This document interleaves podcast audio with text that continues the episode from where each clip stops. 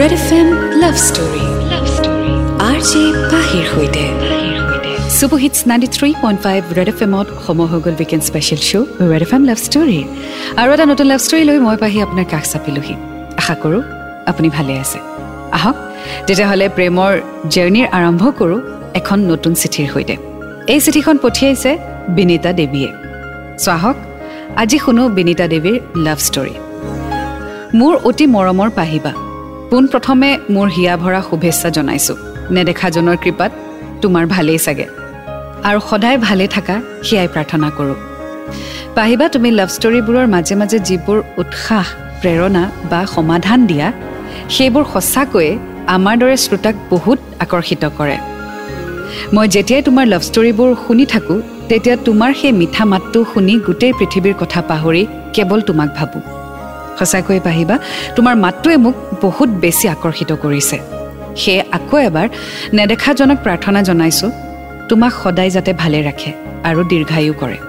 পাহিবা মই নাটক কৰোঁ আৰু নাচিও ভাল পাওঁ।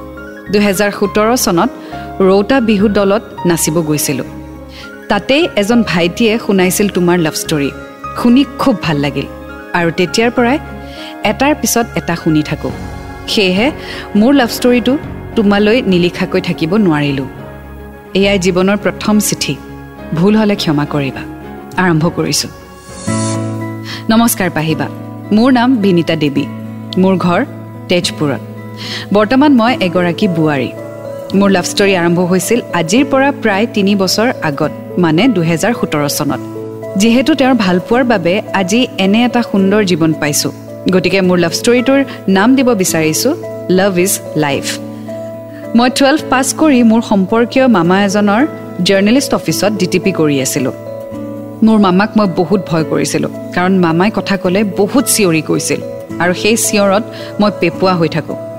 যিহেতু মোৰ মামাৰ খুব ভাল বন্ধু আছিল মোৰ মাহঁত গতিকে মোক অনবৰতে অলপ বেছিকৈয়ে শাসন কৰিছিল মামাই। কামৰ সময়ত কথা পাতি থাকিলে মামাই বহুত খং কৰিছিল। সেয়ে মই সদায় বেলেগে থাকিবলৈ চেষ্টা কৰোঁ। কেৱল মই বুলিয়েই নহয় সকলোৱে ভয় কৰিছিল মামাক। অফিচত আৰু বহুকেইজন আছিল। তাৰে ভিতৰত মোৰ বেষ্ট ফ্ৰেণ্ড নীনা আছিল। তাই অলপ বেছি কথা কৈছিল। সেইবাবে তাই গালিও খাইছিল। তাই মোতকৈ অলপ দিন পিছত সোমাইছিল। তাই প্ৰথম অহাৰ দিনাই মোৰ লগত প্ৰথম চিনাকি হৈছিল। আৰু সেইদিনাৰ পৰাই তাই মোৰ ভাল বান্ধৱী হৈ পৰিলে। কথা পাতি গম পালোঁ তাই ছোৱালীজনী বিৰাট খোলা অন্তৰৰ। পিছৰ দিনাৰ পৰা আমি দুয়োজনী একেলগেই থাকোঁ। চাহ খাব গ'লেও একেলগেই যাওঁ। এদিন তাই বয়ফ্ৰেণ্ডৰ লগত কথা পাতি আছিল মই শুনি আছিলোঁ। ফোন ৰখাৰ পাছত মই সুধিলোঁ সি ক'ৰ হয় বুলি? তাইও সকলোবোৰ কথা ক'লে ক'ত লগ পাইছিল ভালপোৱা কেনেকৈ হ'ল ইত্যাদি। তাই তেতিয়া মোক সুধিছিলে মোৰ বয়ফ্ৰেণ্ড নাই নেকি? মই ক'লোঁ এইবোৰৰ পৰা মই বহুত দূৰত মই এনেকৈয়ে হেপ্পী তোৰ বয়ফ্ৰেণ্ডৰ লগত তই এনেকৈ দিনবোৰ পাৰ কৰ মোক শান্তিত থাকিবলৈ দে।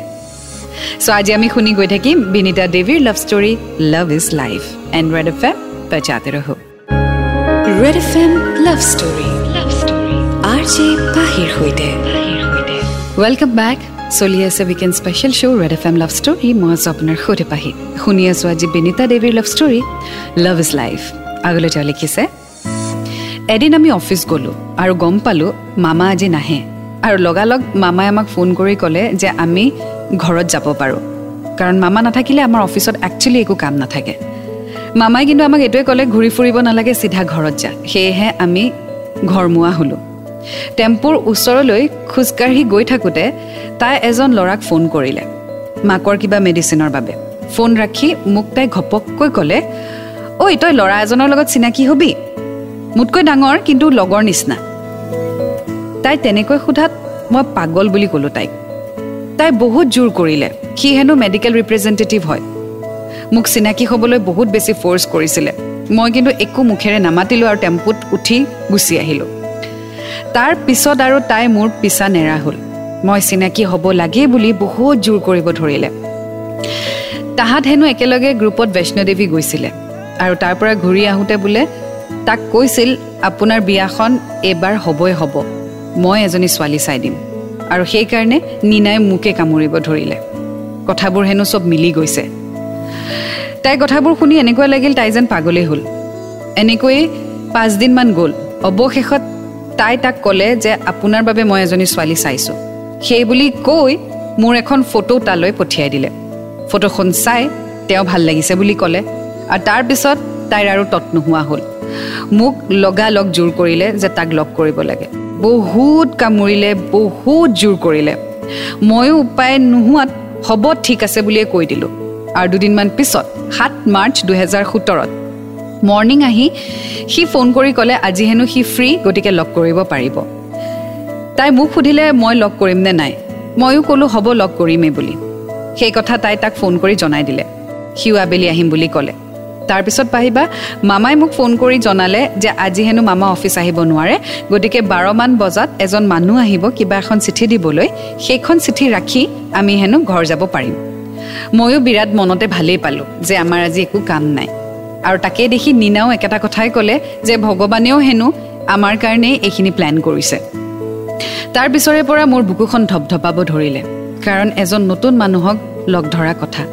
আৰু আনফালে মামাই যদি গম পায় যে অফিচ আহি ল'ৰা লগ ধৰিবলৈ ওলাইছোঁ কি হ'ব ঠিক নাই। সময় যিমানেই পাৰ হৈছে সিমানেই পানী খাই খাই ঘড়ীটো চাই আছোঁ। তেনেতে তাইলৈ সি ফোন কৰিলে আৰু ক'লে সি হেনো তিনিমান বজাত আহি পাব। তোমালোক ৰেডি হৈ থাকিবা। সি আমাৰ অফিচলৈকে আহিম বুলি ক'লে। মোৰ বুকুখন আৰু ধপধপাব ধৰিলে। ইতিমধ্যে বাৰ বাজিছে। যিজন মানুহ আহিবলগীয়া আছিলে চিঠি দিবলৈ সেই মানুহজনো আহি গ'লগৈ। আমি আজৰি হৈ গ'লোঁ। সেইখিনি সময় আমি অফিচতেই কটালোঁ। চ' যিজন ল'ৰাৰ সৈতে নীনাই বিনীতাক লগ কৰাব বিচাৰিছে সেই ল'ৰাজন তিনি বজাত আহিম বুলি কৈছে। সময় এতিয়া বাৰ বাজি গ'ল। এতিয়া তেওঁলোক ৰৈ আছে ল'ৰাজনৰ বাবে। চ' আমিও আগুৱাই গৈ থাকিম এণ্ড্ৰইড এফ এম বা ৰহো red F M love story. Love story R J পাহিৰ সৈতে। Welcome back to the show' red F M love story আৰু মই আছোঁ আপোনাৰ সৈতে পাহি আজি শুনি আছে আপুনি?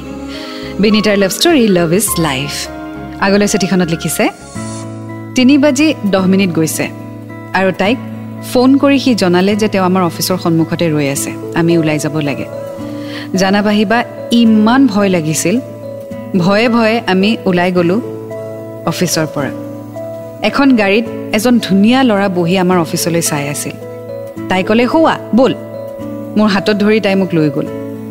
বিশ্বাস কৰিব পাৰিবা তেওঁৰ নামটো গাড়ীত বহাৰ পিছত তাইক সুধিছোঁ। আৰু তেতিয়া গম পালোঁ তেওঁৰ নাম জিতুপল দাস।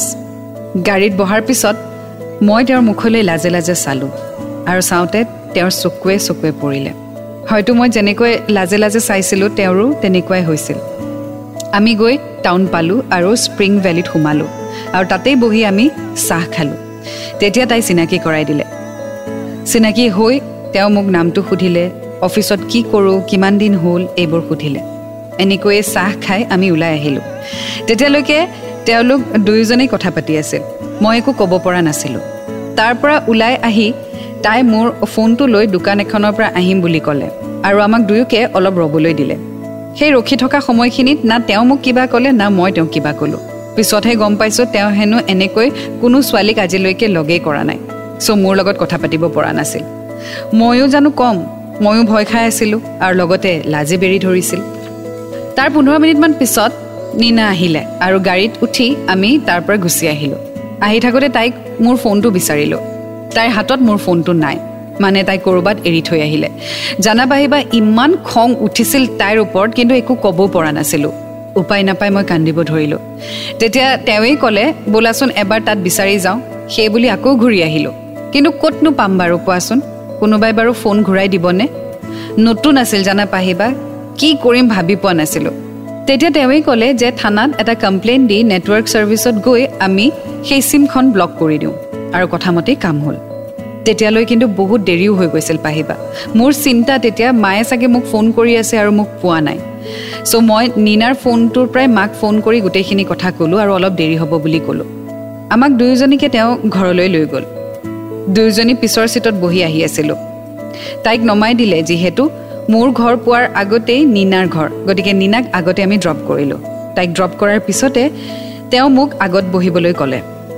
ময়ো বেয়া পাব বা বেয়া দেখি বুলি ভাবি আগলৈ আহি বহিলোঁ। তেতিয়া সেই সময়ত ৰাস্তাত তেওঁ কিবা কিবি সুধিছিল যদিও মই মন কৰা নাছিলোঁ কাৰণ মোৰ ফোনটো হেৰুৱাৰ বাবে মই বহুত বেছি দুখত আছিলোঁ। ঘৰ পোৱাৰ আগে আগে তেওঁক মই ইয়াৰ পৰাই যাব পাৰিম বুলি ক'লোঁ। আৰু তেওঁক ঘৰ ঘূৰি যাবলৈ ক'লোঁ। কাৰণ ঘৰলৈ আনিলে হয়তো মায়ে খং কৰিব। তেওঁ আপত্তি নকৰি ঘূৰি গ'ল।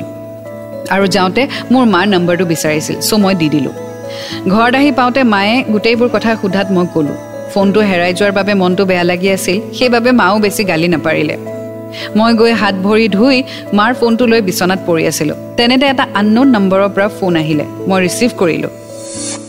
হেল্ল' হেল্ল' হেল্ল' মই জ্যোতিপলে কৈছোঁ। অঁ অঁ অঁ হয়। কিবা কৈছে নেকি ঘৰত দেৰি হোৱাৰ কাৰণে? নাই নাই নাই একো নাই। মই ফোনটোৰ কথা চব কওঁতে আৰু মায়ে একো নক'লে আৰু। খালি দেৰি হোৱাৰ কাৰণে অকণমান চিন্তা কৰিছিলে আৰু বিশেষ একো নাই। মনটো বেয়া লাগিছে চাগে ন? নতুন ফোন আছিলেতো মানে একো ক'বও নোৱাৰো এতিয়া তাইক কি বুলিনো গালি দিম আৰু। কিন্তু হেৰি বেয়া নাপাব আপোনাক মই ঘৰত নামাতিলো। ইমান মানে। এই মই কিয় তেনেকৈ ভাবিম বাৰু? মই অকল তোমাৰ চিন্তাটোহে কৰি আছিলোঁ কিবা ঘৰত কিবা মাহঁতে বেয়া পাইছে নেকি দেৰি হোৱাৰ কাৰণে। একো নাই? খোৱা বোৱা না কৰিলো কৰিলো। কেতিয়াবা মাতিম বাৰু আপোনাক ঘৰলৈ। একদম যাম দিয়া। ঠিক আছে thank you. Bye bye bye good night good night সেইদিনা এনেকৈ আমি কথা পাতি থৈ দিলোঁ। আৰু এনেকৈ আমাৰ প্ৰথম চিনাকি।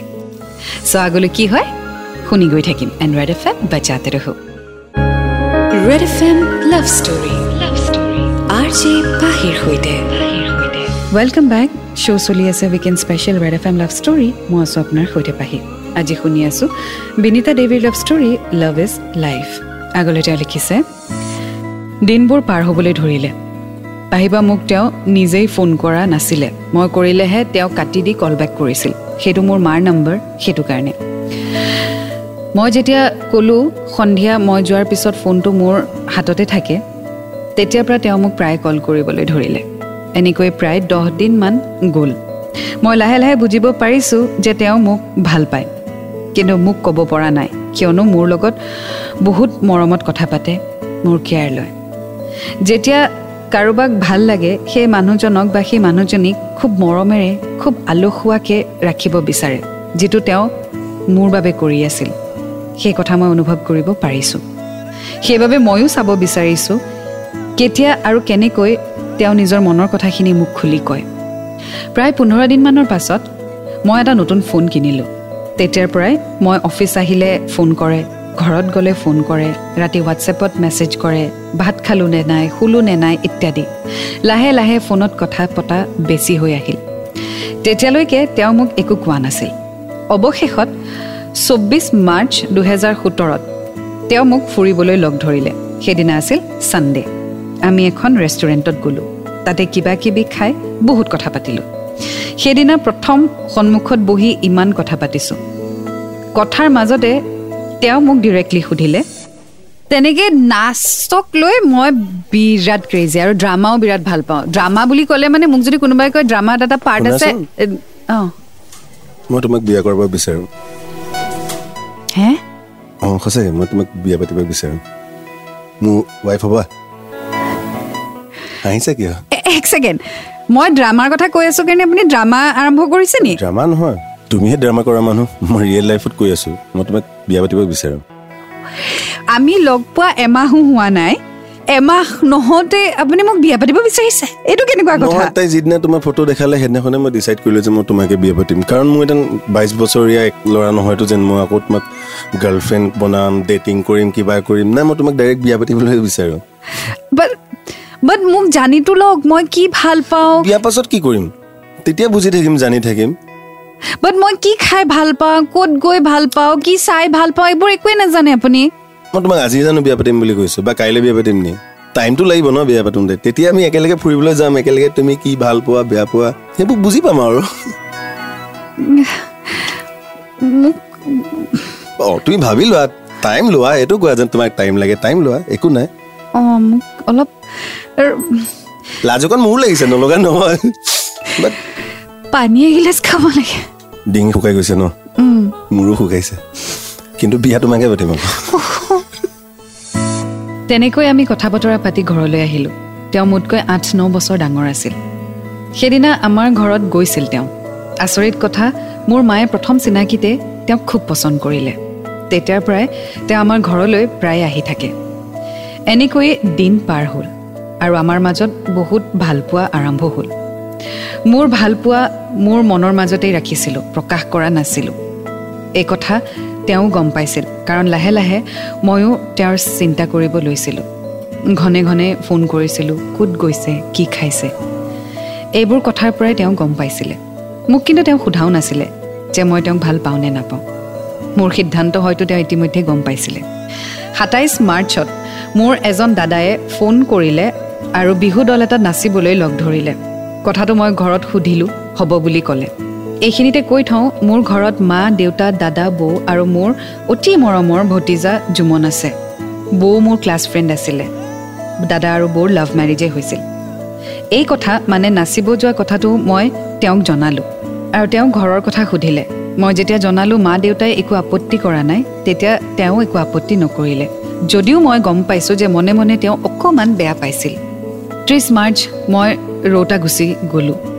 তাত থাকোঁতে প্ৰত্যেকটো মুহূৰ্ততে তেওঁ মোৰ খবৰ লৈছিল। ক'ত থাকিব দিছে কিমানজনী ছোৱালী আছে কেনেকুৱা ধৰণৰ প্ৰেক্টিচ ক'ত কি কৰিছোঁ কি খাইছোঁ এই গোটেইবোৰ খবৰ তেওঁ লৈ থাকিছিল। পোন্ধৰ এপ্ৰিলত আমাৰ প্ৰগ্ৰেম আছিল। সেইদিনা ৰাতিপুৱা তাৰে এজন দাদাৰ লগত মোৰ কাজিয়া হ'ল। মোৰ এটা বহুত বেয়া অভ্যাস। মোৰ বহুত সোনকালে খং উঠে আৰু এবাৰ যদি খং উঠে সেই খংটো নকমে। কিবা এটা সৰু কথাতে আমাৰ কাজিয়া লাগিলে আৰু মই নানাচোঁ বুলি ক'লোঁ। লগালগ মই তেওঁক ফোন কৰিলোঁ আৰু তেওঁ বেছি দেৰি নকৰি তেজপুৰৰ পৰা ৰৌতা পাই গ'ল প্ৰায় এক ঘণ্টাত। মোক বহুতে বুজালে। আনবোৰ ল'ৰা ছোৱালীয়ে ক'লে নাচিবৰ কাৰণে কিন্তু মই নুশুনিলোঁ। তেওঁৰ লগত মই ঘৰলৈ গুচি আহিলোঁ। তেওঁ সেইদিনা আমাৰ ঘৰত আহি বহু সময় ৰৈছিল যিহেতু মোৰ খং উঠি আছিল। লগতে বিহুৰ বতৰ। চ' মোৰ মনটো বেয়া লাগি আছিল বাট তেওঁ সেইদিনাখন বহুত সময় আমাৰ ঘৰত স্পেণ্ড কৰিলে। চ' এইটো ইঞ্চিডেণ্টৰ পৰা এটা কথা গম পোৱা গ'ল যে যিটো বল বহুত মেচিয়ৰ তেওঁ ডিৰেক্টলি বিয়া পাতিব বিচাৰিছে গতিকে সময় নষ্ট নকৰি বিয়াৰ প্ৰপ'জেল দিলে। বিনীতাও একচেপ্ট কৰা নকৰাৰ মাজতেই এৰি দিছে কাৰণ তাইকো সময় লাগে।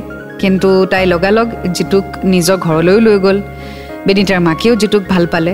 So' ultimately it's a stable relationship so' এই ৰিলেশ্যনশ্বিপটোৰ নাম কি হ'ব বা ৰিলেশ্যনশ্বিপটোত নাম কি পৰিব সেয়া আমি আগলৈ গম পাম। এণ্ড্ৰইড এফ এম বা জাতে ৰাখোঁ red F M love story love story R J পাহিৰ সৈতে। Welcome back to the show' red F M love story মই আছোঁ আপোনাৰ সৈতে পাহি। শুনি আছে আপুনি বেনিটাৰ love story love is life আগলৈ তেওঁ লিখিছে যদিও মই যিটো বলক ভাল পাওঁ পাহিবা কিন্তু মই বিয়াৰ বাবে প্ৰস্তুত নাছিলোঁ। সেই কথা তেওঁ গম পাইছিল। কোনোদিন মোক কিন্তু তেওঁ এই বিষয়ত জোৰো কৰা নাছিল। আনফালে তেওঁ চিন্তাও কৰা নাছিল যিহেতু মোৰ মাৰ বাবে তেওঁ বেষ্ট আছিল। এতিয়া মোতকৈ তেওঁকহে বেছি মায়ে মৰম কৰে। অৱশ্যে সেই কথা মোৰো বেয়া লগা নাছিল। মোৰ কথাও তেওঁ নিজৰ মাকক কৈছিল আৰু মোৰ লগত কথা বতৰাও পতাই দিছিলে। দুদিন তেওঁৰ ঘৰলৈও মই গৈছিলোঁ। তেওঁৰ ঘৰত মাক আৰু তেওঁ থাকে। দাদাক বৌ আৰু দুটা ভতিজা আছে। এনেকৈ আমাৰ সম্পৰ্ক সুন্দৰভাৱে চলি আছে। কেতিয়াবা কাজিয়া হয়। কাজিয়া মোৰ বাবেই হৈছিল। কিন্তু তেওঁৰ একো ভুল নাথাকিলেও তেওঁ মোক চৰি বুলি কৈছিল। কিন্তু আমাৰ সম্পৰ্কত কেতিয়াও ভুল বুজাবুজি হ'ব দিয়া নাছিল। সেইবোৰ কথাই মোক বেছি আকৰ্ষিত কৰিছিল আৰু তেওঁৰ প্ৰতি মোৰ ভালপোৱা আৰু বাঢ়ি গৈছিল। এদিন হঠাৎ মোৰ মায়ে বিয়াৰ কথা উলিয়ালে তেওঁৰ আগত। মোৰ মায়ে তেওঁৰ মাকক লগ পাব বিচাৰিছে। তেওঁ ক'লে আপোনালোকে যেতিয়াই কয় তেতিয়াই মোৰ মাক মই লৈ আহিম। মায়ে দেউতাৰ লগত কথা পাতি জনাম বুলি ক'লে। সেইদিনা মই মাক বুজাই ক'লোঁ যে মোৰ এতিয়া বিয়া হ'বলৈ মন নাই মোক অলপ সময় লাগে। সেই কথা তেওঁকো মই কৈ থৈ দিছোঁ তেওঁৰো আপত্তি নাই। মাও বৰ বেছি আপত্তি নকৰিলে এনেকৈ দিনবোৰ পাৰ হ'ব ধৰিলে। অফিচ গ'লে প্ৰায়ে তেওঁৱেই মোক থ'বলৈ আহে ঘৰত। টাউনতো প্ৰায়ে লগ কৰে মোক। পাহিবা এনেকুৱা লগা হ'ল যেন তেওঁৱেই মোৰ সকলো অলপো লাজ ভয় সংকোচ নলগা হ'ল। কেতিয়াবা যদি ফোনত এনেই কওঁ কিবা খাব মন গৈছে তেওঁ সেইটোকে লৈ আহে। দিনবোৰ পাৰ হ'ব ধৰিলে। টুৱেণ্টি ছেভেন্থ মে' তেওঁৰ বাৰ্থডে মই গম পোৱা নাছিলোঁ। তেওঁ ৰাতিপুৱা নিজেই মিঠাই লৈ আহিলে। সেইদিনাহে গম পালোঁ যে তেওঁৰ বাৰ্থডে চাওকচোন পাহিবা বাৰ্থডে তেওঁৰ আৰু মিঠাই তেওঁৱেই নিজে ঘৰলৈ লৈ আহিছে। সেইদিনা তেওঁ মোৰ মাৰ পাৰ্মিশ্যন লৈ মোক ফুৰাবলৈ লৈ গ'ল। মই কিবা এটা গিফ্ট দিম বুলি ভাবিছিলোঁ কিন্তু তেওঁ নালাগে বুলি ক'লে। তেওঁৰ বাবে হেনো ময়ে বহুত ডাঙৰ গিফ্ট কথাষাৰ শুনি মোৰ একদম জোৰকৈ সাৱটি ধৰিব মন গৈছিল। কিন্তু লাজো লাগিছিল কি বুলি বা ভাবিব? এই মানুহজনক লগ পাই এনেকুৱা লাগিছিল পৃথিৱীত দুখ আছে জানো? তাৰমানে ভাবি চোৱা পাহিবা মই কিমান সুখী। I am really happy that he is in my life পৃথিৱীত আটাইতকৈ সুখীজনী চাগে মই। এনেকৈ ছমাহ আমাৰ সম্পৰ্কই পাৰ কৰিলে। কাজিয়াও নোহোৱা হ'ল। কাৰণ কাজিয়া হ'বলৈ সুবিধাই নাই তেওঁ সুবিধাই নিদিয়ে। কেতিয়াবা মোৰো মন যায়। কাজিয়া কৰোঁ অকণমান ভেম লাগোঁ তেওঁ মোৰ ভেম ভাঙিব বাট এইবোৰ চান্সেই নাপাওঁ। ওঠৰ অক্টোবৰ। লগৰ এজনে ফোন কৰি ক'লে তেওঁলোকে কালী পূজা উপলক্ষে এখন নাটক পাতিব আৰু তাত মোকো অভিনয়ৰ বাবে নিমন্ত্ৰণ জনালে। যিহেতু নাটক বুলি ক'লে মই পাগল গতিকে একেষাৰে অঁ বুলি ক'লোঁ। পিছত মাক সোধোতে মায়ে ক'লে ইমান দূৰ নালাগে। কাৰ লগত অহা যোৱা কৰিবি? এইবোৰ কথা উলিয়ালে। তেতিয়া মই মোৰ লগৰখিনিক কথাটো কওঁতে লগৰবোৰে ঘৰত আহি মোৰ মাক কনভিন্স কৰিবলৈ চেষ্টা কৰিলে যে তেওঁলোকে নিজেই মোক অনা নিয়া কৰিব। মই তেওঁকো ফোন কৰিলোঁ। আৰু মা আৰু তেওঁ দুয়ো মানিলে। নাটকলৈ মাকে লৈ যোৱা কৰিলোঁ। যিহেতু মোৰ এখন স্কুটি আছিলে চ' সেইখনেই মই লৈ যাওঁ আৰু মাকো লৈ যাওঁ। যদি কেতিয়াবা নিনিওঁ তেতিয়া তেওঁৱেই মোক অনা নিয়া কৰিছিল। তাত গৈ পংখীক লগ পালোঁ। যিজনী এতিয়া মোৰ বেষ্ট ফ্ৰেণ্ড খুব ভাল ছোৱালী তাই। তাইকো তেওঁৰ লগত চিনাকি কৰাই দিলোঁ। তেওঁক লগ পাই তাই মোক এটা কথাই কৈছিল তুমি বহুত লাকি যে ইমান মৰম কৰা ল'ৰা এজন পাইছা। এনেকুৱা এজন জীৱন সংগী পাইছা। ভাবিবা কিমান যে ভাল লাগে আপোন মানুহজনৰ বিষয়ে এনেকৈ কোনোবাই প্ৰশংসা কৰিলে এনেকৈয়ে আমাৰ আখৰা চলি থাকিল। চ' বিনীতা আৰু জিতুপলৰ ৰিলেশ্যনশ্বিপ খুব ধুনীয়াকৈ চলি গৈ আছে। It's a matured love story Jitupal বহুত মিচিয়ৰ্ড গতিকে অভিয়াছলি তাত কোনো ধৰণৰ কাজিয়াৰ স্ক'পো নাই। কাৰণ তেওঁৰ লাইফত তেওঁ শ্বৰ্টেড আৰু তেওঁৰ এটাই কথা যে বিয়া পাতিম বিনীতাকে পাতিম। She is the one and she is the only one so' আগলৈ কি হয় জানিবলৈ শুনি থাকক এণ্ড বাৰ এফ এম বজাতে ৰহ। Red F M love story R J পাহিৰ সৈতে welcome back to the show' red F M love story মই আছোঁ আপোনাৰ সৈতে পাহি শুনি আছোঁ বিনীতাৰ love story love is life আগলৈ তেওঁ লিখিছে এদিন হঠাৎ মোৰ লগৰ এজনে নামটো মই ইয়াত প্ৰকাশ কৰিব নোৱাৰিম কাৰণ বৰ্তমান তেওঁ এজন সাংসাৰিক মানুহ। সি এদিন বেলেগৰ আগত কৈছিল মোক হেনো জিতুপলে কেতিয়াও বিয়া নকৰায় তেওঁ হেনো এনেই ভাল পোৱাৰ নাটক কৰি আছে। আচলতে কি জানা পাহিবা? সি মোক তাৰ লগত দেখিব পৰা নাছিল কিয় নাজানো? তেওঁ অনা নিয়া কৰা এইবোৰ দেখি তেওঁ আঁতৰি আঁতৰিও থাকিছিল। সেই কথা পংখীয়েহে অনুমান কৰিব পাৰিছিল আৰু মোক কৈছিল। কিন্তু মই পাত্তা দিয়া নাছিলোঁ। অৱশেষত যিহেতু ইমান ডাঙৰ এলিগেশ্যন এটা তেওঁ লগালে এই কথাটো কিন্তু মই আওকাণ কৰিব বা সহজভাৱে ল'ব পৰা নাছিলোঁ। সেইদিনা মই কমিটিৰে দাদা এজনৰ লগত আহিছিলোঁ। দাদাক লগালগ ঘৰত থৈ আহিব লাগে বুলি ক'লোঁ। দাদাই কৈছিল আখৰা শেষ হোৱাৰ পিছত থৈ আহিম কিন্তু মই আখৰা নকৰোঁ বুলি ক'লোঁ কাৰণ এই কথাটোৱে মোক বহুত বেছি আমনি কৰিছিল। মোৰ আচলতে খং উঠিছিল। আহোঁতে মই পংখীকো লৈ আহিলোঁ। আমাৰ ঘৰ আহি তাই মাকক ফোন কৰি জনাইছিল যে আজি ৰাতি তাই মোৰ লগতে থাকিব। ৰাতি মই তেওঁক ফোন কৰি গোটেইবোৰ কথা জনালোঁ। কি হ'ল? মুখখন ইমান ফুলাই আছে যে নোকোৱা নেমেলাও একো? একো নাই হোৱা। কি একো নাই হোৱা? কি হ'ল? আজি আখৰাও নকৰিলোঁ। কিয়? এই কিবা এটা কথা শুনিলোঁ মূৰটো গৰম উঠি গৈছে মোৰ। কি কথা শুনিলা কোৱাচোন? একদম ধুনীয়াকৈ কোৱা কি শুনিলা? তুমি হেনো মোক ভাল নোপোৱা তুমি হেনো মোক বিয়া নাপাতা তুমি হেনো মোৰ লগত টাইম পাছ কৰি আছা। কোনে কৈছে? সি কৈছে। সেই কি ঋষি বাবা মুনি নি তোৰ ওচৰ দিন কাটক কাটকে কোন এইটো? মক্কেল। উম, মুঠতে তুমি হেনো নাটক কৰি আছা মোক বিয়া নাপাতা। তোমালোকৰ ঘৰলৈ মই গৈছো মাক লগ কৰিছো মামাম খাইছো দেউতাক লগ কৰিছো আৰু মোৰ মায়ে চব গম পায় উম। মই কিবা নাটক কৰি আছো আৰু লাষ্টত মোক মায়ে কি ক'ব বাবা তই এইবোৰ কি কৰিলি মই কি ক'ম এক্টিং কৰিলো এক্টিং কৰিলো মোক এবাৰ এটা দি দিয়া মা নহয় কৈছা মানে তোমাৰ হেনো বিয়া পাতাৰ মন নাই তুমি মোক টাইম বিচাৰিছা কাৰণে মই তোমাক এতিয়ালৈকে বিয়া পতা নাই দেখাই দিওঁ নি কি হা কৈ দিয়া উঠাই দিম বিদ্যা উঠাই দিম ৰাতা ৰাতি উঠাই দিম। হ'ব যাওঁ মই শুবলে। ইজনী লাজ কৰে আকৌ bye. কি বাই তেওঁ ইমান ধুনীয়াকৈ কথাবোৰ কোৱাৰ পিছত আৰু মোৰ একো ক'বলগীয়া নাথাকেই পাহিবা। আগতকৈ মোৰ খঙো কমিলে। এনেকৈ আখৰা চলি আছে। সোতৰ ছেপ্টেম্বৰ সেইদিনা আমাৰ আখৰা অলপ দেৰি হৈছিল। মানে ঘৰ আহি ভাত খাই শুওঁতেই প্ৰায় এঘাৰমান বাজিছিল। টোপনিটো আহিছে মাত্ৰ তেনেতে তেওঁ ফোন কৰিলে। বাৰ বাজি এক মিনিট গৈছে আৰু মোক বাৰ্থডে উইচ কৰিলে। মানে ওঠৰ ছেপ্টেম্বৰত মোৰ বাৰ্থডে ইমান ভাল লাগিছিল মই ভাষাৰে প্ৰকাশ কৰিব নোৱাৰোঁ। বাৰ বজালৈ তেওঁ অকল মোৰ বাৰ্থডে বাবে ৰৈ আছিলে। কাৰণ মই যেতিয়া ঘৰ আহি শুওঁ তেতিয়ালৈ বহুত দেৰি হৈ যায় আৰু তেওঁৰো ৰাতিপুৱা কাম থাকে গতিকে তেওঁ সোনকালে শুৱে। কিন্তু সেইদিনাখন মোৰ বাৰ্থডেৰ বাবে তেওঁ বাৰ বজালৈ ৰৈ আছিল। ইমান স্পেচিয়েল ফিল কৰালে মোক। ৰাতিপুৱা আকৌ তেওঁ ফোন কৰি মই বিচনাতেই আছোঁ তেতিয়া। মোক সোনকালে উঠিবলৈ কৈ গা পা ধুই ৰেডি হ'বলৈ ক'লে। তেওঁ মোক ফুৰাবলৈ নিব। দহ বজাত তেওঁ আহি মোক উলিয়াই লৈ গ'ল। ইতিমধ্যে মাৰ লগত তেওঁ আচলতে কথা পাতিয়ে থৈছিল যে তেওঁ মোক লৈ যাব। সেইদিনা বেছি ভালকৈ গম পালোঁ যে তেওঁ মোক কিমান ভাল পায় নিস্বাৰ্থভাৱে। সেইদিনা বিয়া হ'ম বুলি কৈয়ে দিবলৈ মন গৈছিল। কিন্তু আকৌ ৰৈ গ'লোঁ। অলপ সময় লাগে বুলি। মই ৰেডি হ'লোঁ আৰু তেওঁ মোক এখন ৰেষ্টুৰেণ্টত লৈ গ'ল। দুয়ো তাতে বহিলোঁ। কথা পাতিলোঁ এনজয় কৰিলোঁ। চিকেন বিৰিয়ানী অৰ্ডাৰ দিছিল যিহেতু মই চিকেন বিৰিয়ানী খাই খুব বেছি ভাল পাওঁ। দিনটো প্ৰায় সময় তাতে কটালোঁ আৰু তাৰ পৰা ওলাই আহি শ্বপিং মলত সোমালোঁ। তেওঁ মোক ক'লে যি লাগে সেয়াই কিনি লোৱা। মোৰ কিনিবলৈ মন নাছিলে কিন্তু তেওঁ জোৰ কৰিলে। চ' কিবা কিবি দুটামান কিনিলোঁ। তাৰ পৰা আহি থাকোঁতে তেওঁ মোক ক'লে স্প্ৰিং ভেলীত এটা কেকো অৰ্ডাৰ দি থৈছোঁ সেইটো লৈ লওঁ। ইমান ছাৰপ্ৰাইজ মোৰ কাৰণে এৰেঞ্জ কৰিছিলে পাহিবা। সি আগতেই মাক জনাই থৈছিল যে কেকটো লৈ সি আখৰালৈ যাব আৰু মাকো ৰেডি হৈ থাকিবলৈ ক'লে। আমি তাৰ পৰা ওলাই মাক লগত লৈ আখৰাত গ'লোঁ।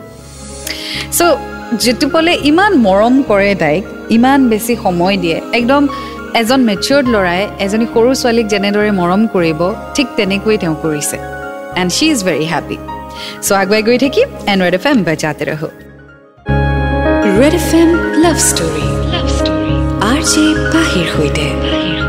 ৱেলকাম বেক শ্ব' চলি আছে weekend special red F M love story মই আছোঁ আপোনাৰ সৈতে পাহি শুনি আছোঁ আজি বেনিটাৰ love story love is life আগলৈ তেওঁ লিখিছে আখৰাত গৈ পাই মই মোৰ বাৰ্থডে চেলিব্ৰেট কৰিলোঁ চবেই উইচ কৰিলে আমি কেক কাটিলোঁ কেক খালোঁ সেই দিনটো মোৰ বাবে স্মৰণীয় হৈ ৰ'ব পাহিবা আজিৰ দিনত কোনে ইমানখিনি কৰে বাৰু মই বহুত লাকি যে এনেকুৱা এজন লাইফ পাৰ্টনাৰ পাইছোঁ এনেকৈ দিন পাৰ হ'ল ঊনৈছ অক্টোবৰত মোৰ নাটক আছিলে সেইদিনা পুৱাই মই তেওঁক ফোন কৰিলোঁ। তেওঁৰ খুৰাক এজন ঢুকালে গতিকে তেওঁ মোৰ নাটক চাবলৈ আহিব নোৱাৰে। মোৰ খুব বেছি বেয়া লাগিছে। তেওঁৰো খুব চাবলৈ মন আছিলে কিন্তু উপায় নাই কি কৰিব? নাটকখন খুব ধুনীয়াকৈ পাৰ হৈ গ'ল। মোৰ অভিনয় সকলোৱে ভাল পালে। তেওঁকো মই সেই কথাষাৰ জনালোঁ। তেওঁ খুব ভাল পাইছিল কথাখিনি শুনি। দিন পাৰ হ'ল। অলপ দিনৰ পিছত তেওঁ ক'লে ক'ৰবাত যাওঁ বুলি। ময়ো যাম বুলিয়ে ক'লোঁ। ফুৰি খুব ভাল পাইছিল তেওঁ। পিছদিনা অফিচ গৈ লগ কৰিলোঁ আৰু ফুৰিবলৈ গ'লোঁ। যাওঁতে গাড়ীত এটা টিফিন উলিয়াই দিলে। তেওঁৰ মাকে গাজেৰকা হালোৱা বনাইছিলে। মই ভাল পাওঁ কাৰণে মোলৈ টিফিনতো পেক কৰি পঠিয়াই দিছিল। তেওঁক তেতিয়া মই সুধিলোঁ কেনেকুৱা লাগিছে? আপুনি মোক ইমান কিয় ভাল পায়? তুমি ইমান কিয় মৰম লগা? মই আৰু একো ক'ব নোৱাৰিলোঁ। সকলো প্ৰশ্নৰে ইমান ধুনীয়া উত্তৰ দিব জানে তেওঁ। সেইদিনা ৰাতি ঘৰত শুওঁতে ভাবিছোঁ এদিন তেওঁৰ এই ভালপোৱাক জুখি চাম। চাওঁচোন তেওঁ মোক কিমান ভাল পায়। নেক্সট ডে ৰাতিপুৱা কথা নাই বতৰা নাই এনেই অজুহাত দেখুৱাই কাজিয়া কৰিলোঁ। কাজিয়া কৰি ফোনটো কাটি দিলোঁ। তেওঁ বহুতবাৰ ফোন কৰিলে মই ৰিচিভ নকৰিলোঁ। সেইদিনা ৰাতি ফোন কৰিয়ে থাকিলে নাই মই ৰিচিভেই নকৰিলোঁ। নেক্সট ডে ৰাতিপুৱাই তেওঁ ঘৰ আহি ওলালে। আহি চৰি বুলি কৈছে। তেওঁৰ কি ভুল তেওঁ নাজানে বাট তেওঁ চৰি বুলি ক'লে। মোৰ মাকো কথাখিনি ক'লে। মোৰ ইমান বেয়া লাগিছে পাহিবা যে তেওঁ ইমান ৰ'ব নোৱাৰা হৈ গ'ল। মই একচুৱেলি প্ৰমাণহে চাই আছিলোঁ তেওঁ মোক কিমান ভাল পায় কিন্তু তেওঁ ইমান আঘাত পাব বুলি মই কেতিয়াও ভবা নাছিলোঁ। মোৰ মাও গালি দিলে মোক যে এনেকুৱা ইমান কিয় কৰিছোঁ ইমান ভাল ল'ৰাটোক কিয় কষ্ট দিছোঁ। মই একো নক'লোঁ বাট যি জুখি চাব বিচাৰিছিলোঁ সেয়া গম পালোঁ যে তেওঁ মোক কিমান ভাল পায়। সেইদিনাৰ পৰা তেওঁৰ প্ৰতি ভালপোৱা মৰম বিশ্বাস সকলোবোৰ বেছি বাঢ়ি গ'ল। বিনীতা বহুত ইমেচিয়ৰ্ড হয় আৰু হ'বও দিয়কচোন ইমান সৰু ছোৱালী ইমান ভালপোৱা ল'ৰা এজন আছে। চ' কেতিয়াবা এনেকুৱা হৈ যায় it is too good to be true কেতিয়াবা এনেকুৱা হয় ন সঁচাকৈয়ে মোক ইমান ভাল পায়নে? কেতিয়াবা বিশ্বাসেই নহয়। আৰু নিজকে কেতিয়াবা বিশ্বাসটো দিবলৈ বা বিশ্বাসটো আনিবলৈ আমি কেতিয়াবা ষ্টুপিড কাম কিছুমান কৰি দিওঁ। ভাল লাগে কৰি। এইটোকে চাবলৈ যে তেওঁ মোক কিমান ভাল পায় মোক এৰি থাকিব পাৰিবনে নোৱাৰে সেইটোকে চাবৰ কাৰণে আমি কৰি দিওঁ কিন্তু সেইটো কৰাৰ আঁৰত সন্মুখৰ মানুহজন যে কিমান আঘাত হয় সেইটো হয়তো আমি ৰিয়েলাইজ নকৰোঁ হয়নে? চ' আননেচেচেৰিলি কিয় হাৰ্ট কৰে কাৰোবাক? নকৰিবচোন। আগুৱাই গৈ থাকিম। লাষ্ট ষ্টেজ পাইছোঁ সেই চিঠিখনৰ। এনৰাইড এফ এম বাজাতে ৰাখোঁ red F M love story love story R J পাহিৰ সৈতে। ৱেলকাম বেক শ্ব' চলি আছে weekend special red F M love story আজি শুনি আছোঁ বিনীতা দেৱীৰ লাভ ষ্টৰী মই স্বপ্নৰ সৈতে পাহি শেষ পৰ্যায় চিঠিখনৰ পঢ়িছোঁ তাৰপিছত অক্টোবৰ আহিল মানে দুৰ্গা পূজা এদিন পূজা চাব গ'লোঁ নগাঁও সেইদিনা ঘৰৰ পৰা ওলাই যাওঁতেই বহুত পলম হৈছিল আমি দুয়ো ভবাও নাছিলোঁ নগাঁও যাম বুলি পটককৈ প্লেন কৰিলোঁ আৰু গুচি গ'লোঁ নগাঁও পাওঁতেই প্ৰায় পাঁচমান বাজিছিল পূজা চালোঁ তেওঁ সেইদিনা মোক বহুত ধুনীয়া আৰু ডাঙৰ এটা টেডি বিয়াৰ গিফ্ট কৰিছিল যিটো টেডি বিয়াৰ এতিয়াও মোৰ ঘৰত সযতনে ৰাখি থৈ দিছোঁ। ঘূৰি আহোঁতে মোৰ চিন্তাত সাগৰ শুকাই গৈছিল। ইমান দেৰি হ'ল মায়ে আৰু আজি মোক থ'ব। যদিও আমাৰ সম্পৰ্ক দুয়োখন ঘৰতে জানে তথাপিও ইমানো বেছি ফ্ৰীডম নাছিলে যে ন বজালৈকে ঘূৰি ফুৰিম। গাঁৱৰ মানুহৰ কথাও আছে। সেইবোৰ কথা ভাবি ভাবিয়ে মোৰ ভয় লাগিব ধৰিলে। মোৰ ভয় দেখি তেওঁ ক'লে তুমি চিন্তা নকৰিবা ময়ো যাম আজি মাক বুজাম। ঘৰ আহি পাওঁতে চাৰে ন বাজিলে। যিহেতু তেজপুৰৰ পৰা নগাঁও বহুখিনি দূৰ হয়। ঘৰত আহি তেওঁ মাক ক'লে যে আমি সোনকালেই পালোঁ কিন্তু মোৰ ঘৰত সোমোৱাৰ কাৰণে দেৰি হ'ল। মই আচৰিত হ'লোঁ তেওঁ মিছাটো কিয় মাতিলে? পিছত তেওঁ ক'লে যে একো ভাবি পোৱা নাছিলোঁ মনত এইটোকে আহিলে চ' সেইকাৰণে এইটো কথাকে কৈ দিলোঁ। ময়ো কথাটো বুজি পালোঁ আৰু বিশেষ একো নাভাবিলোঁ। এনেকৈয়ে আমাৰ সম্পৰ্কটোৱে এটা বছৰ সম্পূৰ্ণ কৰিলে। অৱশেষত প্ৰত্যেকৰে মাকৰ নিচিনা মোৰ মাৰো চিন্তা হ'ল। মানে বিয়া। মায়ে তেওঁক সোধাত তেওঁ ক'লে ময়ো আপোনাৰ লগত এইখিনি কথাকে পাতিম বুলিয়ে আহিছোঁ। মানে মোৰ মায়ে আপোনালোকক লগ পাব বিচাৰিছে। মোৰ মায়ে তেতিয়া তেওঁক মাকক লৈ আহিবলৈ ক'লে আৰু কথামতেই চব হ'ল তেওঁৰ মাক এদিন আমাৰ ঘৰলৈ আহিলে। দুয়োখন ঘৰৰ মানুহে লগ পালে। একো আপত্তিও নাছিলে। আঠাইছ এপ্ৰিল দুহেজাৰ ওঠৰত তেওঁৰ মাক বায়েক আৰু ককায়েক আহিলে আমাৰ ঘৰত। মোৰ মা দেউতা তেওঁলোকক লগ পাই বহুত ভাল পালে আৰু তেওঁলোকৰ পৰিয়ালেও মোৰ পৰিয়ালক লগ পাই বহুত ভাল পালে। তেওঁলোকে এটা কথাই কৈছে যিহেতু দুয়োটাই পচন্দই কৰিছে গতিকে বেছি আৰু পলম নকৰি বিয়াৰ কথাই ঠিক কৰোঁ। আৰু মা দেউতাকো তেওঁলোকৰ ঘৰত মাতি লৈ গ'ল। মা দেউতা গ'ল গৈ বিয়াৰ দিন ঠিক কৰিলে। এক আগষ্ট দুহেজাৰ ওঠৰত আমাৰ বিয়া। বিয়াৰ ডেট ঠিক হোৱাৰ পৰা মোৰ ভয় বাঢ়িব ধৰিলে। মোৰ বেষ্ট ফ্ৰেণ্ড নীনাকো এই খবৰটো জনালোঁ। তাইও খুব ভাল পালে। আমাক দুয়োকে অভিনন্দন জনালে। আহি আহি বিয়াৰ দিন চমু চাপিলে। যা যোগাৰো আৰম্ভ হ'ল। অৱশেষত এক আগষ্ট দুহেজাৰ ওঠৰত ঢেকীয়াজুলিৰ শিৱ মন্দিৰত আমি বিবাহপাশত আবদ্ধ হ'লোঁ। চাৰি আগষ্টত আমাৰ ৰিচেপশ্যন সুন্দৰভাৱে সম্পূৰ্ণ হ'ল। ওঠৰ ছেপ্টেম্বৰত মোৰ বাৰ্থডে সেইদিনা মোক তেওঁ শিৱ মন্দিৰলৈ লৈ গৈছিলে যিহেতু বিয়াৰ পিছত এয়া মোৰ প্ৰথমটো বাৰ্থডে আছিল। বিয়াৰ পিছতো একেজন মানুহে সেই একেই মৰম সেই একেই কেয়াৰ মই বহুত সুখী পাহিবা। টুৱেণ্টি নাইন ছেপ্টেম্বৰত আমি বৈষ্ণোদেৱী গ'লোঁ দৰ্শন কৰিবলৈ। তেওঁ প্ৰত্যেক বছৰে এবাৰ হ'লেও যায়। সেয়ে এইবাৰ মোকো লৈ গ'ল। বহুত ফুৰিলোঁ বজাৰ কৰিলোঁ খালোঁ। পাহিবা আমাৰ বিয়া হোৱা তিনিটা বছৰ সম্পূৰ্ণ হ'ল। আজি মই বহুত সুখী। আমাৰ এজনী ছোৱালী জন্ম হ'ল সাত জুলাই দুহেজাৰ ঊনৈছত তাইৰ নাম টিশা। দেখিবলৈ একেবাৰে দেউতাকৰ নিচিনা। বৰ্তমান মোৰ কলিজাৰ এফাল তেওঁ আৰু আনফাল মোৰ ছোৱালী। তেওঁলোকে দুয়োৱে মোৰ জীৱন। এতিয়া টিচাক লৈ আমি ব্যস্ত। বৰ্তমান তেওঁৰ কামো সুন্দৰভাৱে চলি আছে। এয়াই মোৰ লাভ ষ্টৰী পাহিবা। আশা কৰিছোঁ আমাৰ এই লাভ ষ্টৰীটো তোমাৰ সুন্দৰ কণ্ঠত শুনিব পাম বুলি। এই অনুষ্ঠানৰ পৰাই মই নীনাক ধন্যবাদ জনাইছোঁ মোক এনেকুৱা এজন মানুহৰ লগত চিনাকি কৰাই দিয়াৰ বাবে যিজন আজি মোৰ স্বামী। শেষত মোৰ স্বামীলৈ ধন্যবাদ জনাইছোঁ মোক ইমান ধুনীয়া এটা জীৱন দিয়াৰ বাবে। য'ত মৰম ভালপোৱা বিশ্বাস অভিমান সকলোবোৰ আছে। এয়াইতো জীৱন ন পাহিবা আৰু কি লাগে? I love you my sweet husband এতিয়া মই বিনীতা দেৱী দাস হ'লোঁ। এই চিঠিখন মই লিখিছোঁ আখৰ বহুত বেয়া হয়তো তোমাৰ পঢ়াত কষ্টও হ'ব তাৰ বাবে ক্ষমা বিচাৰিছোঁ। লিখি গৈ থাকিলে ওলাই গৈ থাকে। কিন্তু ইমানবোৰ লিখা সম্ভৱো নহয়। থেংক ইউ পাহিবা আমাক এনেকুৱা এখন ধুনীয়া মঞ্চ দিয়াৰ বাবে য'ত আমি আমাৰ পুৰণি স্মৃতিবোৰ ঘূৰাই পোৱা যেন পাওঁ ৰেড এফ এমৰ সমূহ কৰ্মকৰ্তালৈ আমাৰ দুয়োজনৰ ফালৰ পৰা ধন্যবাদ জ্ঞাপন কৰিছোঁ তোমালোকৰ এই যাত্ৰা দীঘলীয়া হওক আৰু ভগৱানে তোমালোক আৰু ভগৱানে তোমালোকক দীৰ্ঘায়ু কৰক এয়াই ভগৱানৰ ওচৰত প্ৰাৰ্থনা আই লাভ ইউ পাহিবা and I love you Bijoy Shankar da এটি তোমাৰ ভণ্টি Binita thank you so' much Binita তোমাৰ লাভ ষ্টৰী আমাৰ সৈতে শ্বেয়াৰ কৰিলা। খুব ভাল লাগিলে তোমাৰ ষ্টৰীটি আৰু আশা কৰোঁ তোমালোকৰ দুয়োৰে মৰম ভাল পোৱা এনেদৰেই চলি থাকে যেন। আৰু তোমালোকৰ মৰম লগা ছোৱালীলৈ আমাৰ দুয়োৰে পৰা বহুত বহুত মৰম জনালোঁ। থেংক ইউ আৰু wish you all the good health and happiness in life so' এয়া আছিলে আজিৰ ষ্টৰী লাভ ইজ লাইফ এটা নতুন ষ্টৰীৰ সৈতে আকৌ লগ পাম। Until then to fall in love it's a great feeling you will get to learn a lot and always remember I love you red F M বজাতে ৰহো